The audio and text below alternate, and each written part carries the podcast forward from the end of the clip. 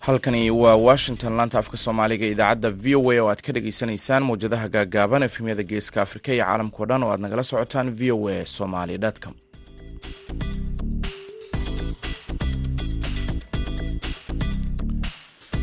duhur wanaagsan dhegeystayaal waa isniin tobanka bisha oktoobar sanadka labada kun iyo saddex iyo labaatanka. Afrikada bari saacadda waxay tilmaamaysaa kowda iyo barka duhurnimo. Idaacadda duhurnimo ee idaacadda v o a waxaa idinla socodsiinaya anigoo ah maxamed bashiir cabdiraxmaan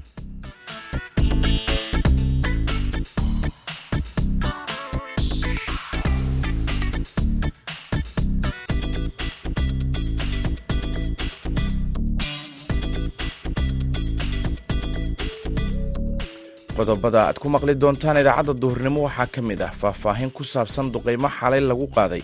Fariisimo ay al-shabaab kaga sugnaayeen gobolka mudug. Runtii ilaa labaatameeyo kor bay u dhaafayaan.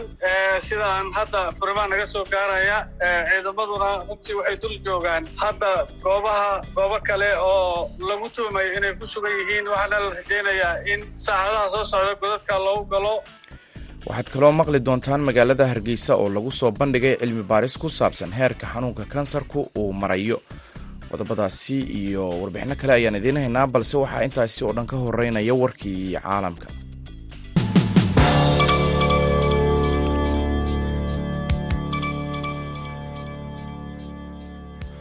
israa'iil ayaa isniinta maanta ah tobannaan kun oo askari geysay marinka khaza iyadoo israsaaseyn ay dhex marayso xamaas iyo ciidamada israa'iil laba maalmood kadib markii kooxdan islaamiga ah ay weerartay israa'iil. Boqolaal qof ayaa ku dhintay labada dhinac tan iyo markii ururka xamaas ee iiraan taageerada ka hela. Oo waa berigii sabtidii qaaday weerar ballaaran kaasi oo ciidanka israa'iil ay ku tilmaameen maalintii ugu xumayd ee taariikhda dalkaasi ilaa hadda ciidamada israa'iil ayaa weli ku guda jira dagaalka ay ku doonayaan inay kaga sifeeyaan kooxda xamaas. In ka badan laba maalmood kadib markii ay ama ciidamadaasi ka soo gudbeen xeyndaabka khaza oo ay dileen dad badan waxaana ciidamadu israa'iil ay sheegeen in ay dhowaan qaadi doonaan weerar kadib abaabulkii ugu weynaa ee taariikhda israa'iil.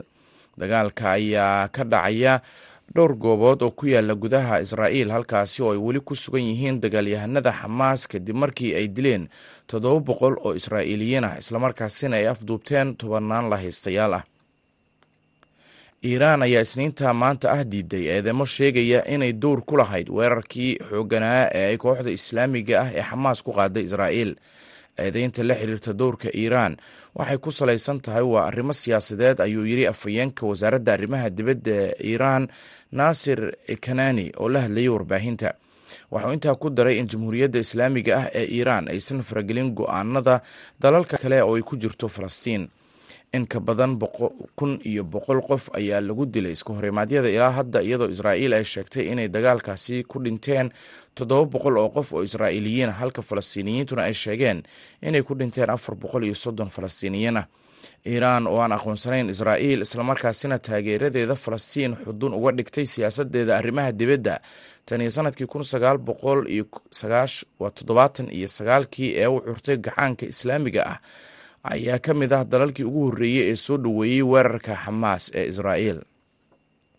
Ugu dambeynna ugu yaraan saddex qof oo rayid ah ayaa ku dhintay isniinta maanta ah dalka suudaan kadib markii madaafiic lagu garaacay cisbitaal muhiim ah oo ku yaalla caasimadda sida ay sheegeen ila caafimaad iyadoo dagaalka u dhexeeya generaalada iska soo horjeeda ee dalkaasi uu halkaasi ka sii socdo madaafiic ayaa ku dhacay cisbitaalka alnuwa oo ku yaalla magaalada umudurmaan oo mataan la ah caasimada suudaan ee khartuum sida ilawareedyadu ay u sheegeen a f b umudurmaan waxaa ka dhacay dagaalo ba'an oo u dhexeeya ciidamada suudaan ee uu hogaamiyo genaraal cabdilfataax al burhaan iyo jabhadda r s f ee uu hogaamiyo maxamed xamdaan daaglo oo dagaal ku jiray tan iyo bishii abril ee sanadkan. Warkii dunidana dhegeystayaal waa naga inta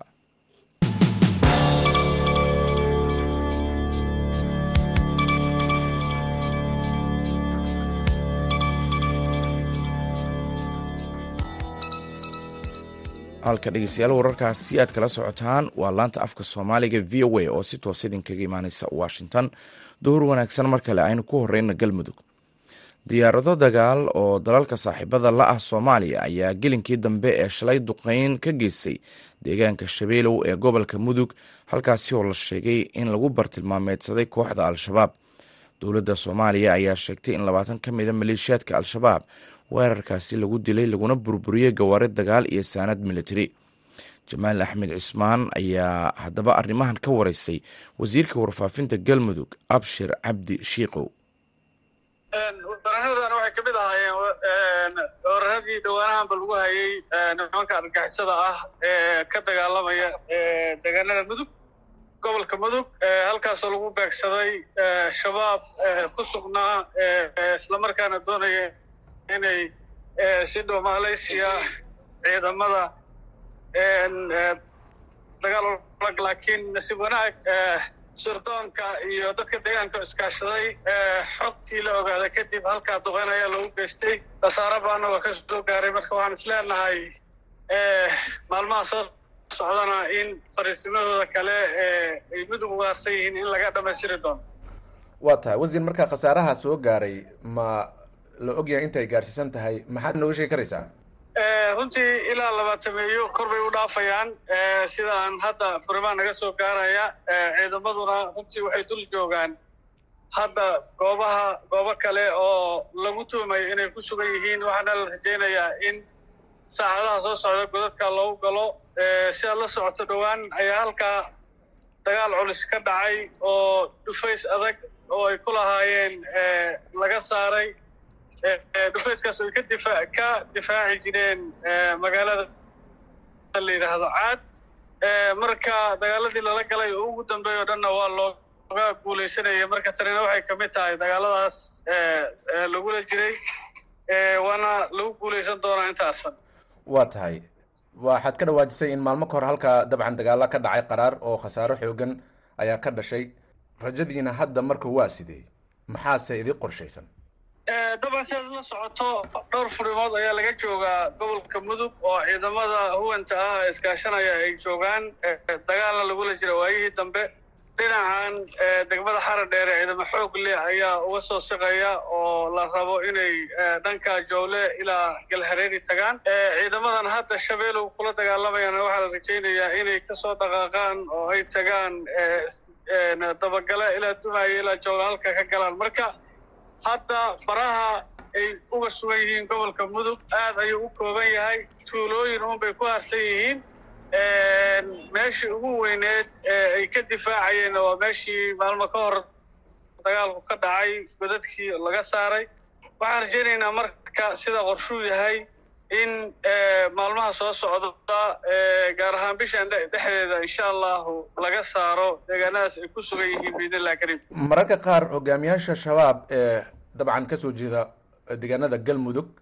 Hadallo ay jeediyaan waxa ay kula hadlaan beelaha deegaanka oo ay leeyihiin dagaalka ka baxaya waxyaaba nooca oo kale a arrintaasi ka galmudug ahaan sidee baad u aragtaan runtii waxay waayihii dambe la soo baxeen tabab ka duwan sidii hore lagu yaqaanay. Waxay isku dirayaan ama ay dhibaato kala dhex dhigayaan beelaha halkaa degan si ay ugu dhex badbaadaan iyagoo u maraya dadka reer baadiyaha ah adeegsanaya lacago iyo waxyaalo kale oo runtii ay ku qancinayaan iyagoo ujeedkooda ugu dambeeya uu yahay inay labadaas qabiil isku diraan. Sidoo kale waxay maalmihii ugu dambeeyey tuulooyinka ugu yeerayeen odayaal iyagoo u dabcan u digaya oo dhahaya dee nimankaas lama shaqayn kartaan. Laakiin nasiib wanaag ma jirto hadda meel gaara oo ay saldhig ku leeyihiin deegaanadaas. Hadda duurka ayay ku jiraan dhulka hawdka ayay ku dhuumaalaysanayaan. Shacabka soomaaliyeedna waxay ku dhiiradeen markii ugu horreysay inay garab istaagaan ciidamada xoogga. Annaguna ka dowlad ahaan waxaan la soconnaa dagaarahaas waa la soconnaa. Xogta ugu badanna waxaan ka helnaa shacabka deegaanadaasi. Waxaan is leeyahay marka waa fursad isku soo aaday oo aan leeyahay weli ma dhicin in shacab iyo dowlad iskaashanaya ay weerar qaadaan nimanka weerar ku qaadaan. Marka waxaan leenahay waxaan soo gaarnay bointiga ugu dambeeyey oo ah in al-shabaab laga guulaystay lagana guulaysan doono dalkana laga horeyn doono. Kaasina waxa uu ahaa wasiirka warfaafinta galmudug abshir cabdi shiikow oo u waramayay jamaal axmed cismaan. Markanna heestan ayaan idiin soo qabanaynaa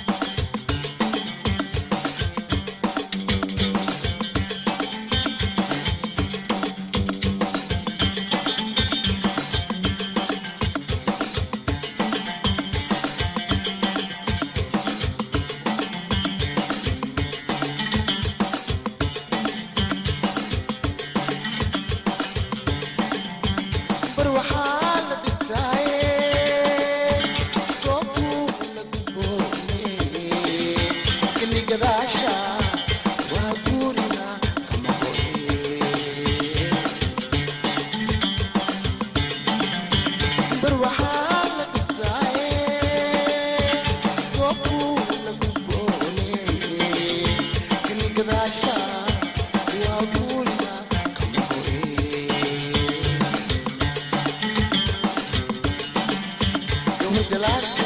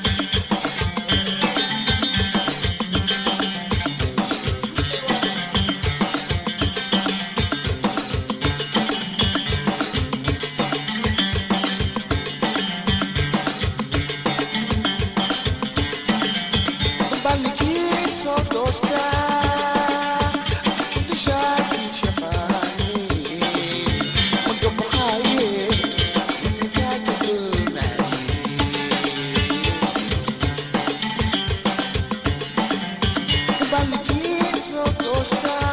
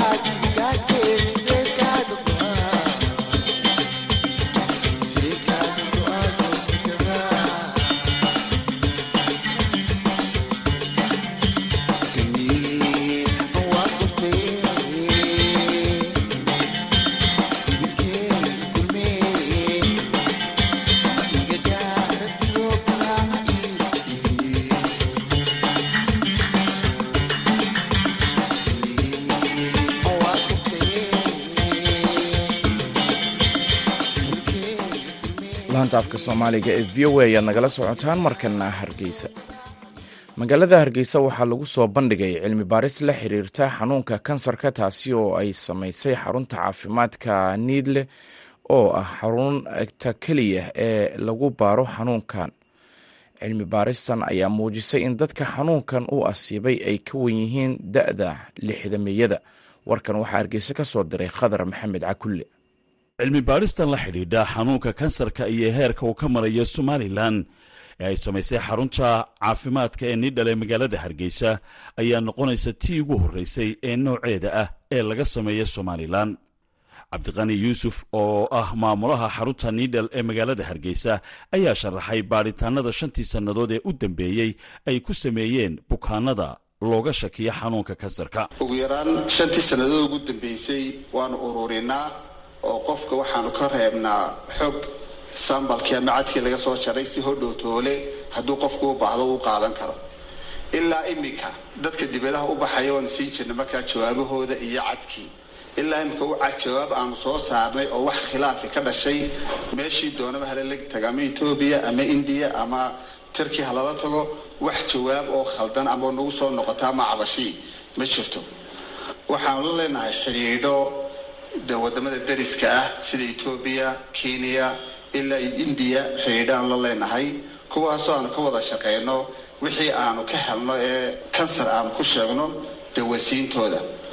Kadib markii ay badatay dadka kansarka ama wadanka dibadiisa u tegay ama gudihiisa waxbaa lagaga qaban karahayn ayaan sannadkii la soo dhaafay waxaanu ku kordhinay bal inaan qayb dawada ka mid ah aanu siino ah qaybtii kimoterabiga ahayd eanu sannadkii la soo dhaafay bilownay si fiican ayay u shaqaysaa wixii shay dadka halkan ka taga ee etoobiya taga. Way noo soo diraan. Waxaan la leenahay cusbitaalada etoobiya gaar ahaan adis ababa sida black lion hosbital cusbitaalka kale ee lancet la yidhaahdo cusbitaalka kale la bethel dhammaantood wixii beeshinay ee soomaaliya ay ka helaan kansarka dib bay noogu soo diraan si aan halkan dawada ugu siino. Markay bardan dawada ku qaataan ay u baahdaan qaybta qalliinka ama radioterabiga maadaama labada adeeg aanan haynin. Ayaan haddana iyaga beeshinkii dib ugu celinaa si labada adeeg ay ugu soo dhammaystiraan. Taasi runtii waxay qayb weyn ka qaadatay in dadka kalsoonidoodii ay bateen oo markaa dawasiintoodii in ay sax u noqoto isla markaana qofku lix bilood ama in ka badan uu joogi lahaa etoobiya amaba uu joogi lahaa indiya uu halkan waddankeenii joogo geesta kale xuseen jaamac oo ka mid ahaa xubnihii hogaaminaya cilmi baadhistan socotay muddada sannadka ah ayaa waxa uu tilmaamay in natiijada ka soo baxday cilmi baadhistan ay ku ogaadeen in dadka badi laga helay xanuunkan da'doodu ka weyn tahay lixda jir. Waxaa sidoo kale ka muuqanaysay natiijada cilmi baadhistan in gobolka maroodijeex uu yahay gobolka dadka ugu badan ee xanuunkan laga helay ay degganaayeen halka uu ku sii xigay gobolka togdheer islamarkaana gobolka awdal uu ahaa kaalinta saddexaad waxaanu helnay intaa hadda oncologyga waxaan ka helnay laba boqol. Inta treatmentka hadda oncologyga ku jirta laba boqol iyo labiyo soddon kuwaasoo agekoodu inta badan saynu sheegnay ay ka weyn yihiin ama averagekoodu uu yahay sixty iyo wax ka weyn. So more than half of the cancer patients were female oo ah fifty six percent waxay ahaayeen dumar. Halka close to forty four ugu dambayn agaasimaha guud ee wasaaradda caafimaadka somalilan dor maxamed cabdi xergeeye ayaa ku tilmaamay cilmi baadhistan mid muhiima laba kelmadood baan anigu halkan ka odhanayaa oon u kacay. Kelmadda hore waxa weeyaan inaanu hambalyaynoo bogaadinana isxilqaanka iyo hawsha ay qabteen gruubka dhakhaatiirta iyo howlwadeennada caafimaad iskugu jira somalilander iyo ajaanibkaba lihi oo aynu ku hambalyayno iskudayga iyo daraasadda ay sameeyeen ay noo soo bandhigeen. Wasaaraddu waxay dhiiri gelinaysaa cilmi baadhisaha caynkan oo kale ah khadar maxamed cakuule v o a hargeysa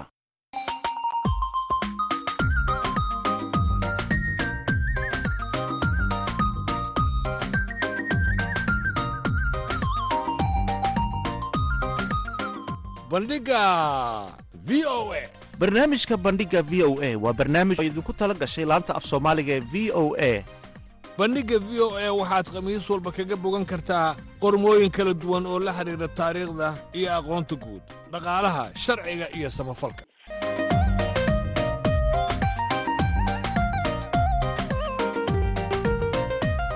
Haddii aad rabto inaad wax ka ogaato taariikhda dunida iyo aqoonta guud ha moogaan bandhigga v o a. Bandhigga v o e kala soco laanta af soomaaliga ee v o e maalin kasta oo khamiis ah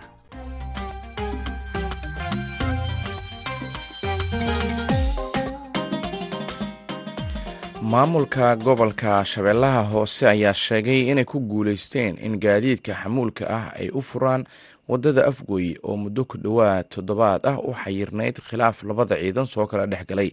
Wariyaha v o a mukhtaar maxamed catoosh ayaa warkan ka soo diray baydhaba. Ciidanka dowladda federaalk iyo kuwa deegaanka oo hab macwiisley ahaan u abaabulan ayaa khilaaf soo kala dhexgalay wuxuu sababay muddo shan maalin waddada isku xirta muqdisho iyo afgooye inaysan wax gaadiid oo xamuul sida isticmaalin maamulka gobolka shabeellada hoose oo muddooyinkii ugu dambeeyey waday dadaallo lagu xallinayo labada ciidan ayaa gelinkii dambe ee shalay waxay ku guulaysteen inay furaan waddada gaadiidka xamuulkana si caadi ay u maraan. Guddoomiyaha gobolka shabeellada hoose maxamed ibraahim barre oo degmada afgooye ku sugnaa maalmihii ugu dambeeyey ayaa sheegay inay xal ka gaareen xiisadii u dhexaysay labada ciidan ee sababtay waddada gaadiidka inay mari waayaan islamarkaana haatan waddadu ay furan tahay. Arrinta ku saabsan xayiraada gawaarida ku ku joogeen magaalada afgooye waxay ahayd mid is-afgaranwaa oo ciidamo deegaanka ah ama ciidamada difaaca deegaanka ay sameeyeen howlgallo. Kadibna isfahamwaa ayaa meeshaas ka dhashay isfahamwaagaasina wuxuu sababay in gawaaridii ay wada istaagaan oo meeshii ay isku socodkii degmooyinka gobolka shabeellada hoose iyo gawaaridii sii gudbayay ay ku xayirmaan magaalada afgooye.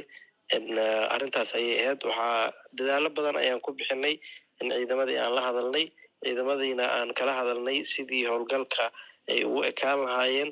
Wax kale oo intaas ka badanna aysan u dhici lahayn ciidamadiina waan ku guuleysanay maanta ayaana waddada si rasmi ah u furnay. Guddoomiye muddo intee leeg ayay gaadiidka badeecooyinka u suurtageli weysay waddadaasi afgooye inay maraan? Maxaase arrimahaasi sabab u ah?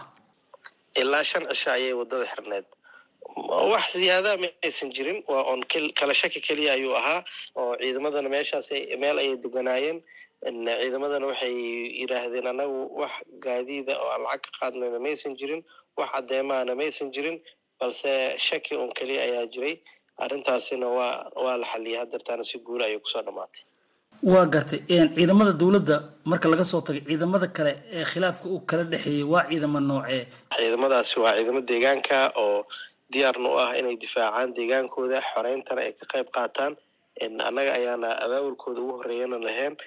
Hadeertaana waxaan ku heshiinay inay howlgalka wejiga labaad ee qaybta ugu weyn ay ka qaadan doonaan ee xoreynta gobolka shabeellada hoose guud ahaantiisa gaar ahaan deegaanada hoos yimaadan degmada afgooye ay noqon doonaan ciidamada difaaca amase xoreynta deegaanadaasi qaybta ugu weyn ka qaadan doonaan hadduu alla idmo. Dhinaca kale guddoomiyaha gobolka shabeellada hoose wuxuu xusay in waddada afgooye ay tahay marin muhiim ah oo ay isticmaalaan gaadiidka xamuulka ee isaga kala goosha gobollo badan oo dalka soomaaliya ka mid ah waddada afgooye ee u baxda gobollada dalka oo dhan waa waddo muhiim ah ilaa gobollada bay iyo bakool iyo gedo halkan loo maro. Sidoo kale shabeellooyinka xataa jubbooyinkaan dhilaa gawaarida socoto meeshaan ayay maraan.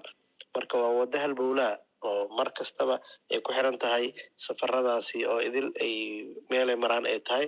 Haddii hakad uu ku yimaadana ay dhibaato ku keeni karto gobolladaas oo dhan wixii dalaga amase wixii wax soo saarka dibadaha laga keeno badanaa burka iyo bariiska iyo sokorta iyo wax alaala qutul daruuriga oo dhanba ay ku yaraanayaan deegaanadaas inay gaaraan. Muddo ku dhowaad toddobaad ayaa waddada isku xirta afgooye iyo muqdisho. Waxaa ku xayirnaa in ka badan boqol gaadiidka xamuulka oo badeecooyin kala duwan u siday gobollada shabeellaha hoose baay gado bakool iyo jubbada dhexe. Mukhtaar maxamed catoosh v o a baydhabo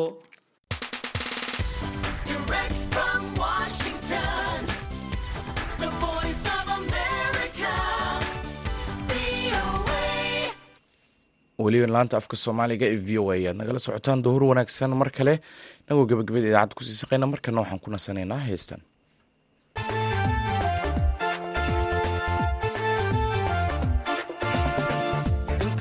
Salogiisa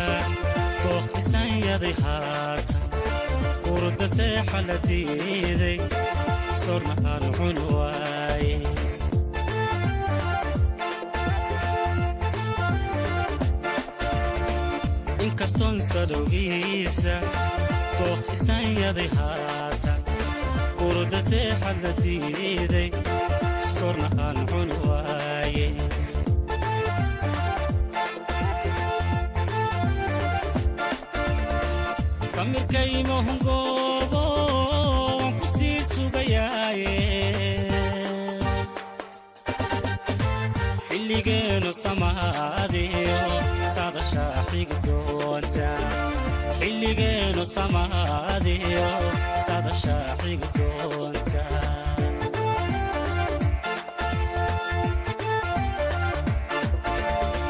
badadkiisidi waaye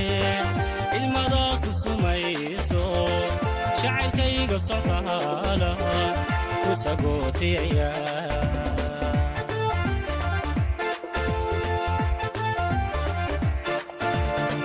baladkiisidi waaye ilmadaasu sumayso jacaylkayga socdaala ku sagootiyaya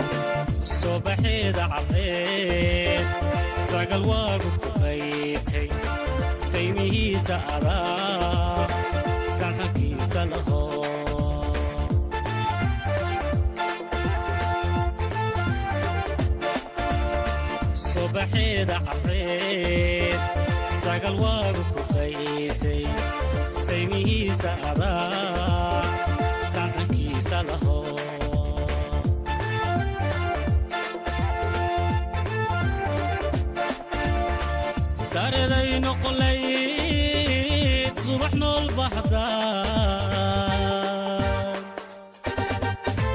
samiskaagan macaan indha saari lahaa. Samiskaagan macaan indha saari lahaa.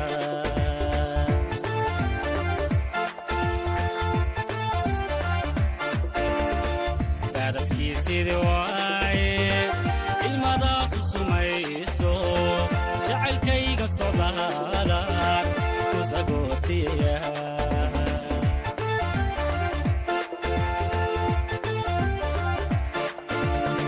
baadadkiisidii waaye ilmadaasu sumayso jacaylkayga socdaalaan ku